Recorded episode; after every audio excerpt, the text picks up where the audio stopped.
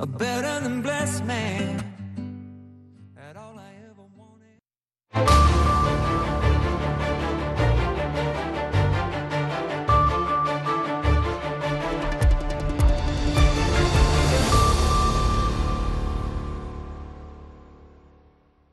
Halkani waa washington. Laanta afka soomaaliga ee v o a oo aad ka dhagaysanaysaan mawjadaha gaagaaban iyo efemyada geeska africa qaarkood caalamkao dhanna waxaad nagala socotaan boggeena v o a somaly com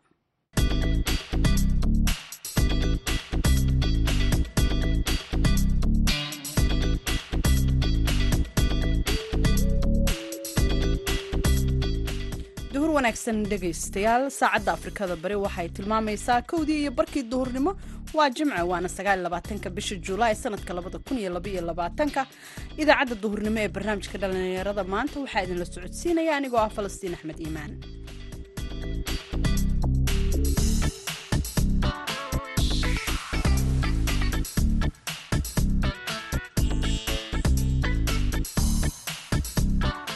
qodobada idaacaddeenna duhurnimo aan idinkugu haynana waxaa ka mida barnaamijka sooyaalka dhaqanka oo aanu ku eegi doonno sida odayaashii iyo dhaqankii hore oo soomaalida ay u difaaci jireen deegaanka ugana hortegi jireen waxyaabaha keena nabaadguurka dhulka. Beeraha waxay ku yaaleen meel dooxa. Dooxaas konton mitir inuu dhaafo waa loo diiday waa la dhirayn jiray lama taaban jirin geel lagama goyn jirin. Haddii dhirtaa doodaad ku ag marayo haddii la gooyo dhulkii baa neebsanaya dhirtoo dhan buu qaadaya daadka raggaasaa is hortaagi jiray. Kaalimihii heesaha ayaad sidoo kale dhegaysan doontaan. Marka horese ku soo dhowaada warkii caalamka oo aan idiin aqriyo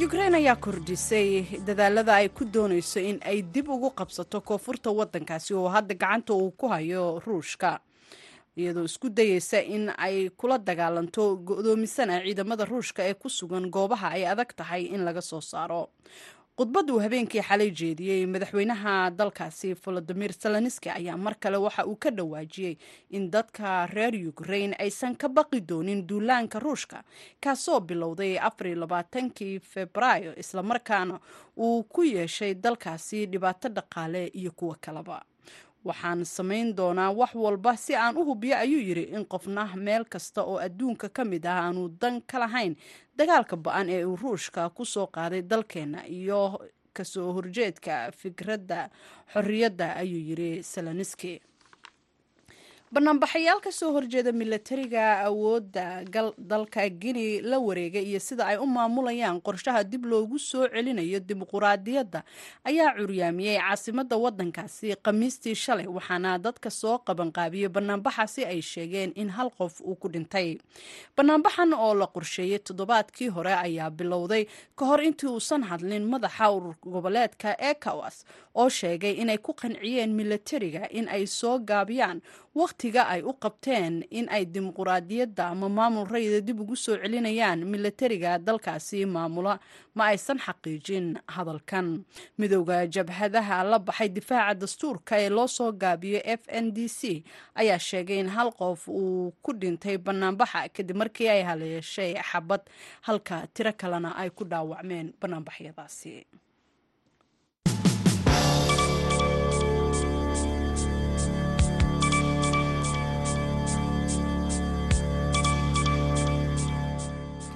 dhegeystayaal halkaad nagala socotaan waa v o a washington. Jimco wanaagsan meel walba aad naga dhegaysanaysaan markana ku soo dhowaada barnaamijkii sooyaalka dhaqanka. Waxaa noo soo diyaariyey waryaheena magaalada borama haashin sheekh cumar good.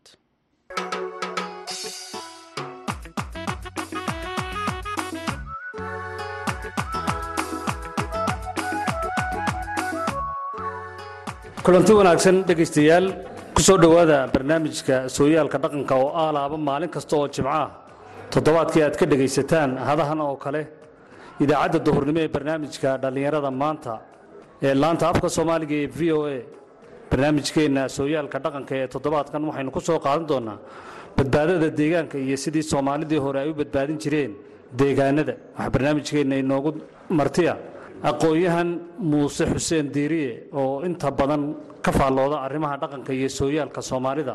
Bara sarana ka ah jaamacadaha ku yaalla somalilan qaarkood waxaan weydiiyey muuse soomaalidu waxyaabihii ay dhaqanka u lahaan jirtay ee ay ku badbaadin jirtay deegaanka waxaa ka mid a. Waa runtaasi way jirtaa habeen dhalad.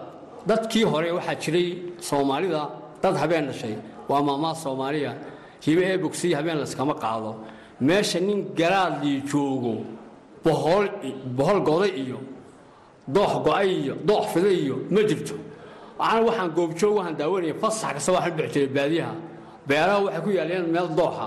Dooxaas konton mitir inuu dhaafo waa loo diiday. Waa la dhirayn jiray lama taaban jirin geel lagama goyn jirin. Haddii dhirtaa doodadku ag marayo haddii la gooyo dhulkii baa neebsanaya dhirtoo dhan buu qaadaya daadku raggaasaas hortaagi jiray oo joojin jiray. Qaar baa dhirtii gooyey markuu ninkii dhintay dhirtaa ilaalin jiray. Waxaa dhacday in aasuu beerihii o dhan qabsaday beerihii daad baa gooyey hadduu konton tallaabo ah maanta waa saddex kilomitir buu dooxi marayaa. Markaa habeen dhaladka halkan xataa dhulkeenan beerahan oogada waxaa jirtay in odayaashii hore beeraha aan soo gaarnay abayaasheen ama oyaasheen in markay bohosha bilaabanto ay soo guraan qoryo way taagtaagi jireen ood bay dhex gelin jireen dhagax bay duldhigi jireen bohosh way ka mid jirtay. Raggii caynkaasaana uu naga dhammaadee ilaahay haynoo dhaliyo wakhtiyada hore ee soomaalida waxaa jiray rag culimaa aqoon-yahana oo bulshada inta badan ku wacyigelin jiray samaanta iyo wanaagga. Siday uga qayb qaadan jireen badbaadada deegaanka iyo dhowrista dhirta. Okay waa run oo taas aad iyo aad anugu dee indhahaygaama saaray waan soo gaadhay xitaa gaal talyaani maalin weydiiyey muxuu yidhi magaaladan yare gargaara maxaa ka dhigay? Buu yidhi kaymaha waxaan ku yidhi waxaa jira sheekh loo sheekh tawakal oo halkaa deganaa wuxuu yidhi ninka laan gooya ama geed gooya gacanta allaha barariyo waa la walbaqay dee. Waxaana goobjoogu ahaa sheekhaasoo habeenkii waraabiya darbuu xidhi jiray biyuu xidhi ku shubi jiray waxaa iman jiray dacwada waraabaha xoolaha baadida sheekhow laga daa baa jiray iska daawi raxmayna ma yeelaane waxaan markii dambe daraasad ku sameeyey in inay marka waraabuhu haraado ama dacwadu ay haraado inay waashaan oy dadka cunaan gadaal baan ka fahmay. Dhirtii baa u darsatay duurjoogtii u darsatay degaankii baa u darsaday dadkii baa u darsaday sheekhii markaa way jiraan culimmadana iyaguna si qayb libaax leh iyo uga qayb qaataan in hadday ka qayb qaataan deegaanka waa ilaalin karaan dadkuna way aqbalayaan. Waxaan ka codsanaya culimmada soomaalida inay dadka u sheegaan oy ka dhaadhiciyaan in deegaanka la dhowro. Haddii deegaan la waayo noolima jirayso. Bulshada hore ee soomaalidu waxay lahaayeen dad deegaanka u dooda sidii loo ilaalin lahaa kaymaha dhulka boolaha ee dilaacayana wax looga qaban lahaa. Kuwayse ahaayeen kuwa beriga hore u doodi jiray deegaanka. Waa jiraan oo waxa dee adduunkan ilaahay wuxuu khaliifay laba nin ninka weliga iyo ninka geesiga ama garyaqaankaa labadaa nin buu adduunyada ilaahay khilaafay had iyo jeer labadaas ba isku xidhnaan jireen oo waxaad arkaysa nin kastoo gees iyo nin kastoo garyaqaan iyo nin kastoo weliga xiriir baa ka dhexeeya. Way isla fadhiisan jireen. Waxaa ka dhexeeya mas'uuliyad way arki jireen. Iyo ninkaa ama markaa sheekhaas unbaa deegaanka ilaalin jiray laakiin sida imka caalamka la dad u doodo deegaanka inagu ma lihin imika laakiin raggaa hore inaga ayaa inoo gelayey oo halkaa la leeyahay adduunka deegaanka dad baa u dooda inaga waxaa inoo geliyey. Dee ninkaas sheekhaa ama ninkaa beerta le geesiga ama fariidka ee aragtida dheeraa ayaa inaga halkaa inoo gelayey guud ahaan dhulka soomaalida gaar ahaan somalilan waxaa ku soo badanaya jaamacadaha. Maadaama dhallinyaradii wax baranaysana ay tiradoodu soo kordhayso iyagu wax ma ka qabtaan deegaanka sidayse wax uga qaban karaan. Haddii la idhaahdo deegaanka wax ka qabtaan. Waa runtaasoo jaamacadu way soo bateen aad bay soo bateen oo somalilan aqalka sade waxaad arkaysaa jaamacad baa ka furan. Ardaydii maasha allah waad arkaysaa galab iyo habeen iyo subax waa la socdaa un xun baa la baranayaa taasina ma xumo xaggii qorigii o dhan wax loo dhaqaay qalinka. Laakiin jaamacaduhu deegaanka waxba kuma ceshaan. Dee horumar iman maayo? Ardaygu wuxuu ka yimaadaan bulshada ama beer buu leeyahay ama xoolo dhaqatuu leeyahay ama leeyahay. Haddii degaankii baaba'o dee arday jaamacad tagaya ma jirto. Marka waxaan ka codsanaya jaamacadaha in ay degaanka ardayda ku dhiirigeliyaan lacagna ay u jaraan ardayda xisado qaarkood inta la basho macallimiintu ardayda waa lakan jiray jiray baadiyaha lagen jiray oo waxaan jiray siyaara meel lagu tegaya ardayda waa la saari jiray si deegaanka u arkaan. Waxaan ka codsanaya jaamacadaha somalilan ka jira iminka in ardayda lagu wacyigeliyo lagana jaro qaadhaan yar oon waxba yeelayn ardayga jaamacadda wax ku darto oo degaanka la gesho haddaan degaanka wax lagu celin jaamacado iyo horumar iyo waxbarasho ma jirayso. Bulshada soomaalidu sidii ay ahaan jirtay sooyaalkii dhaqanka ee hore meelaha ay degto gaar ahaan dhinaca dooxyada iyo biyomareennada waxbay ka qaban jireen. Sidee wax uga qaban jireen haddase siday yihiin oo wax looga qaban karaa muuse. Way jireen dadkii hore ee beeraley ahaa dee horta daadadku waa masiibo ilaahay keeno waa biyo xooggan oo marka roobabku siyaadaan iyay buu xoogaysaan oo waddadii ay marayeenba way ballaarsadaan oo dhulkoo dhan bay qaadaan. Laakiin haddana dadkii hore way dadaali jireen. Laakiin maanta aqoon baa timiday waxaan u sheegayaa ummadda soomaaliyeed waxaan fahamsiinayaa dooxyada waaweyn ama beeraha ku yaallo ama tuulaha ku yaallo ama magaalooyin. Dee tusaale boolama dhexdeeda doox baa dhex mara burca u dhex maraa hargeysa u dhex maraa.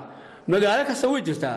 Sida wax looga qabanayo nin kastoo halkaa ka faham waxa weeyaan horta waxaa la cabiray oo xagga xidhidda dooxyada iyo webiyada adduunyada maraykanka uga haysta wuxuuna ku gaadhay kaas waa cilmi iyo dhaqaale. Dooxyada haddii biyaha dooxa maraya ay yihiin hal iyo bartan hal mar waxaa la dhigayaa saddex laab afar iyo bartan oo gebyana ama dhoobo ah. Markaas inagu dee siliga iyo dhagaxa maba awoodi karno. Laakiin waxaa la mida in la qaato shiraaqyada baabuurta ee labaatanka mitira kaas ayaa lagu gurayaa ciid dhoobo lagu gurayaa dooxa gidaaradiisa ayaa la dhigayaa. Daadku ma qaadi karo haddii sheeqada loo dhigo. Maalin baa lagu buuxinaya gebigiisaba. Haddii dooxa sidaa loo dhigo sharaaqyadaas saa loo dhigo daadku ma goynayo oo waa laga badbaadi karaa. Iminka burciyo iyo hargeysiya waa khatar.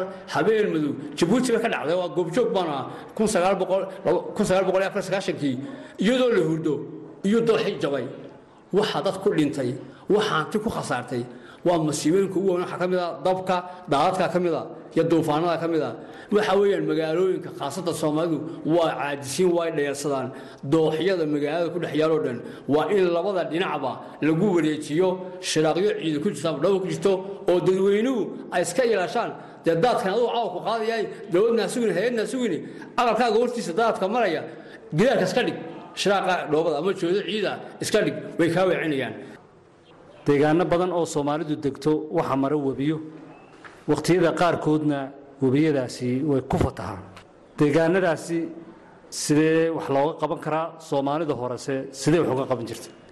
Way jirtaa oo koonfurta soomaaliya webiyadu way fatahaan. Waxay webiyadu maarada xitaa godoba kuwa soo mara koonfurta soomaalida aad bay soo maraan. Waxaan taa u sheegay dadka soomaalida horta biyahaas fatahayaay joogto maaha. Waa marka biyuhu roobabku ay siyaadaan iyay biyuhu fatahaan. Nin kastoo beer leh oo webiga ag dega haddii dherarka beertaadu dherarka beertaadu hadduu yahay boqol tallaabo hadduu yahay. Intaad webigaa webigaas dee kolley waa beero beerto kuwa biyo way yareeyin dadku. Haddii biyahaagaasi ay beertaadu tahay ka soo qaad hal hektar boqol tallaabo hadday tahay. Waxaad samayni webiga ka soo tallaabsani saddex tallaabo ilaa afar tallaabo joodo ciida joodo dhoobo oo isdul dhigtay baad ka soo bilaabi xagga afka hore ee webiga. Qaws deegaantaa samaynoo xag qaws deegaan ahaan baad samayn. Joodaasaas ku buuxsay dhoobadii baad sulligi sulligi sulligi sulligi webiga xagga kale biyihii soo butaacay halkaa way fadhiisanayaan. Badhna webibay ku noqonayaan. Waxaa kaloo jirta in aad hadhow dhir xajiinka gobeyska geedka loo yaqaano aad ku beerto dhir. Dhirtu biyaha way qabataa way joojisaa xawaarihii biyugu socon lahaayeen ee dalaga ay kaa goyn lahaayeen ayay dhirtu joojisaa oo biyihii marka aayar boo soconayaan beerta xuma yeelayaan wakhtiyada qaar waxaa dhaca duufaano deegaanada qaarkood iyo roobab mahiigaana oo dhaliyo daadad badan kuwaasi sidee wax looga qaban karaa sideese looga gaashaaman karaa. Horta kuwaasi waa dee masiibada ugu weynba oo imika gaalada way saadaaliyeen waxay dhahdeen ma- duufaanadani bay dhahdeen waa awooddii ilaahay cid wax ka qaban kartaa ma jirto waa run oo waxay eye on the sky. Markii dusha laga soo waray duufaanka waxaa la arkay mawjad il ah oo badda ka bilaabmaysa oo saa u dhaqaaqaysa. Xawaare laba boqoloo kilomitr boqoliyo konton kilomitr ma socdaan. Waa biyo waxa la socda waxa la yidhahda maxaa la odhan jiray? Waxaa la odhan jiray? Sayaxan maa la odhan jiray? Wax xoolaha markuu ku dhaco neefka markaa baksiinaya dhirta qallajinaya ayaa la socda sida danabkii oo kale baa duufaanka la socda. Okay duufaanka tusaale hadda ayna siiyo duufaanadu horta dhulkoo dhan way gooyaan. Laba faa'iido way jirtaa. Khasaare weyna way keenaan faa'iido weyna way keenaan. Waa maxay khasaaruhu? Dee dhulkii gooladii aan beerin jirna beerihii way gooyaan way biyaan. Dooxii hal mitir uma qodnaa biyaha layska leexsanayey wuxuu qoday iminka duufaankii ugu dambeeya ka dhacay lix iyo toban mitir ayuu qoday oo waxaa dooxa dhadhaciyaa tuumbooyin lix iyo toban mitira haddaan lix iyo tobankaa mitir qiimayno haddii afar mitir oo boholaha buuraha ku wareegsan ka soo qaad boorem oo kale ay qarani ku samaysmeen oo mitirkiiba shan iyo labaatan sano lix iyo toban mitir oo midkii yahay shan iyo labaatan sano afar boqoloo sano wixii ku guyi lahaa maalin buu ku gooyey. Laakiin waxaa kaluu keenay duufaankaasi biyo badan buu keenay. Biyo badan buu keenay. Sooyaalka hore ee soomaalidu waxaa jira dhir ay beeri jireen aadna loo ilaalin jiray. Dhirtaa la ilaalin jiray ee deegaanka wax ka qaban jirtay. Deegaankana u fiican kuwa ka mida dee waxaa ka mid ah horta number one gobka geedka la gobka mar xoolihiibaa kuu daaqaya mar waa la harsanaya mar oodiis waxayba ahaydba gebyanka la isticmaalaba oo oodaa gobka ah haddaad dhagax du ligto biyuhu bay canayaan nin kastoo beeraley u yaqaanaa haddii biyaha beertaada ku soo socda haddaad dul dhigto oodaa gobka ah oo dhagax ayar saarto bes biyihii waxa ka culus oodiyo dhagaxaas ciid basaareen way ka baryaan meeshii taasi waa mid. Geedaha kale ee beeraha badbaadiya waxa ka mid a geedka loo yaqaana gobeyska tusaale soomaaliya eega arabsiya eega beerta ku taalla. Doox buu ku soo fidaaba isagaa doox eedhiidaba daadku ma qaado gobeyska uu jiibsadaa un waxaa kaloo jira geedka loo yaqaano dhuurta oo isinta markaas waa xeebaha guban oo dhan maca koonfurta soomaaliya geedkaasina daadka uu weeciyaa aadna uu baxaa waxaa kaloo jira geed la yidhaahdo mayax dheere xajiin waa geed gaaban xoolaha daaqa abaarta lagaga baxaa uu gaaban yahay. Dhulkan wuxuu ku daadsaa caleen fara badan oo dhirtiibuu carradibuu nafaqeeyaa kaasina biyaha uu joojiyaa. Marka dhirahaasoo dhan soomaalidu way isticmaali jireen. Waxaa kaloo jira meelaha qaarkood geedka loo yaqaana dhidinka waa benis waaba dayrba dhidinka laanta la soo waa dhigayaa beertii baad ku oodaysaa dayr buu noqonayaa marna waa sariyo xamagtiisa halkii kiilo waa toban dolar maanta ma ka baxa odayadii hore ee soomaalida dhaqanku waxay yaqaaneen wakhtiyada abaarta wakhtiyada duufaanadu dhacayaan wakhtiyada roobabka waaweyni daayaan waxyaabaha aqoon ayay u sii lahaayeen iyagoo dhinaca xidigiska iyo falagga ka eegaya arrintaasi haddii aad wax nooga sheegi karto amase aqoon aad u leedahay maxaad ku beeri lahayd ama maxaad ka soo gaadhay odayadaa hore ee aad ka maqashay? Odayaashaas hore waxaan ka maqlay ragga xidigiska yaqaanaa waxay odhan jireen sanadka soo socda waxaa dhici doonta abaar xoog leh ilaha xoolaha sumalkaa ku darina yani dadka way degi jireen waa sumalka xoolaha ku darina waxay saadaaliyeen cilmigoogii markay eegeen in sanadka soo socda abaar uu yahay.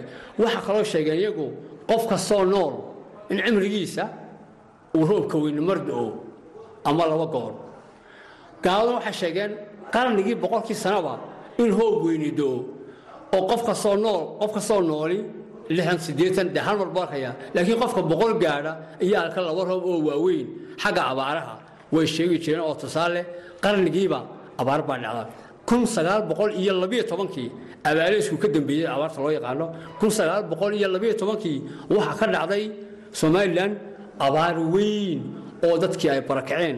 Macnaha qarnigiiba hal mar. Marka ayagu way xadigiis yaqaanaa way jireen odayaal fara badan soomaaliya way sheegi jireen abaaraha iyo roobka intii way sheegi jireen. Sida imka loo saadaaliyo waxaa imanaya roob caynka roob weyn baadii way sheegi jireen. Intaas waxaynu ku soo gunaanadiinaa kuna soo gebagabaynaynaa barnaamijkeennii sooyaalka dhaqanka ee toddobaadkan oo idinkaga imanayay magaalada boorame ee gobolka awdal aanan kaga hadlaynay badbaadada deegaanka iyo sidii soomaalidii hore ay u badbaadin jireen deegaanka iyo sida looga baahan yahay bulshada hadda in ay badbaadiyaan deegaanka iyo dhinaca isbeddelka cimilada. Waxaana barnaamijka inoogu marti ahaa aqoon-yahan muuse xuseen diiriye oo ka mid a aqoon-yahanada ku nool gobolka awdal gaar ahaan magaalada boorama.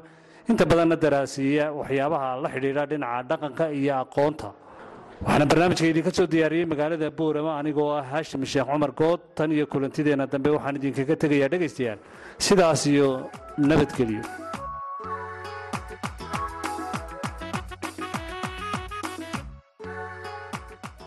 barnaamijkii sooyaalka dhaqanka iyo haashim sheekh cumar good aanu intaasi ku dhaafno markana dhegaystayaal ku soo dhowaada barnaamijka amuuraha islaamka iyo cabdixaafid cawil ismaaciil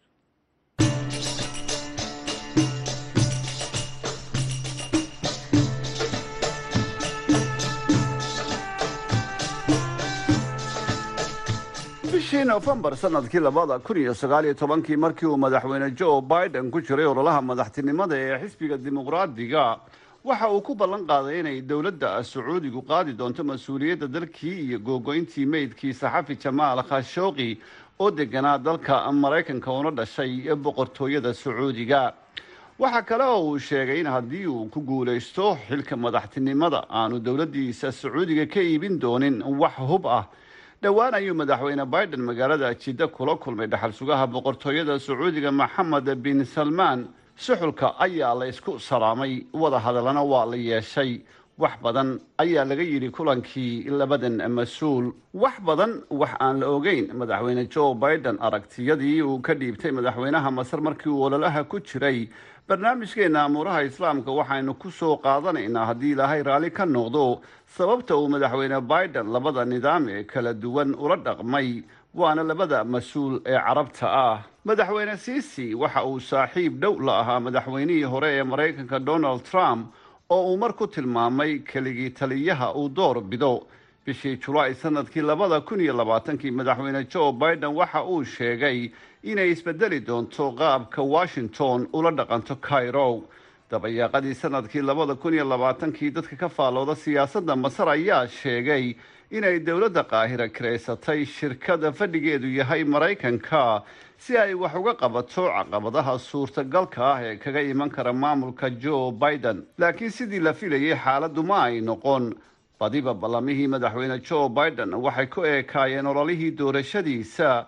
Washingtonna wax badan kama ay bedelin siyaasadii hore ee maraykanku kula dhaqmi jiray masar waa maxay haddaba sababta su'aashaasi ayaan weydiiyey injineer axmed warsame abtidoon oo ah falanqeeyo degan magaalada shafil oo ku taala waqooyiga dalka britain cabdixaafid waad mahadsan tahay runtii dhowr arrimood oo isbiirsaday ayaa bedelay ballanqaadyadii ololaha doorashada oo ahayd in isbeddel uu ku sameynayo siyaasadda bariga dhexe.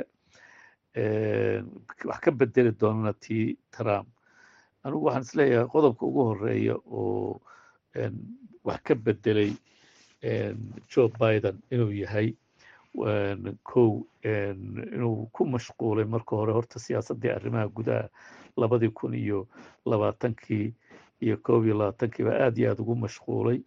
Aan idhaahdo xanuunkii safmareenka ahaa ee covid nineteenka labo isagoo runtii wakti badan geliyey xiriirkii nato oo xilligii trump aada u xumaaday. Saddex isagoo oo haddana dagaalkan ukraine uu siyaasaddii caalam gebi ahaanba wax weyn ka bedelay ugu dambeyn culays kale oo waxaa jira isaguna chineeska xaggiisa iyo taiwan ka yimid. Balse haddaan u soo noqdo arrinta waddamada carabta khaasatan waddanka masaarida runtii la dagaalanka argagixisada masaaridu door inay ka qaata la doonaya oo maadaama ay israa'iilna aada isugu dhow yihiin. Waxaa kaloo iyadan aan meesha ka marnayn ma garanaysaa arrimaha sacuudiga oo dhaqaale iyo shidaal fara badan oo la soo saaro iyaga iyo waddanka imaaraadka carabta looga fadhiyo. Marka runtii guud ahaan haddaad isku soo xooriso joe biden siyaasaddiisii wax badan bay iska bedeshay wixii uu ballan qaaday kal hore isagoo oo doonayay inuu bariga dhexe siyaasaddeeda uu mataqaanaa wax weyn ka bedelo maamulka joe biden ayaa bishii february ee sanadkan labada kun iyo labayo labaatanka sheegay inay hakinayaan sababo la xidhiidha xuquuqda aadanaha qayb ka mid ah gargaarka sanadlaha ah ee maraykanku siiya masar. Laakiin gargaarku sidii caadiga ahayd ayay washington u siisaa masar. Isla bishaas dowladda maraykanku waxay ansixisay hub laga iibinaya masar oo qiimihiisu ku kacayo boqol iyo toddobiyo sagaashan milyan oo dollar.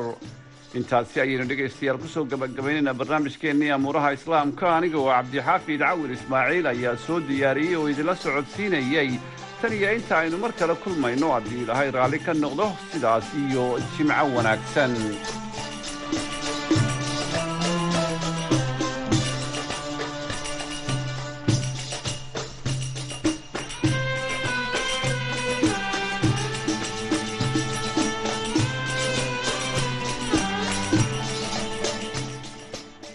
Intaasi ku dhaafno barnaamijka umuuraha islaamka iyo cabdixaafid cawil ismaaciil. Markana dhinacii heesaha. Waxaanu idiin soo qabanaynaa codka ah caddeeye cali axmed iyo heestii hayga aarsan.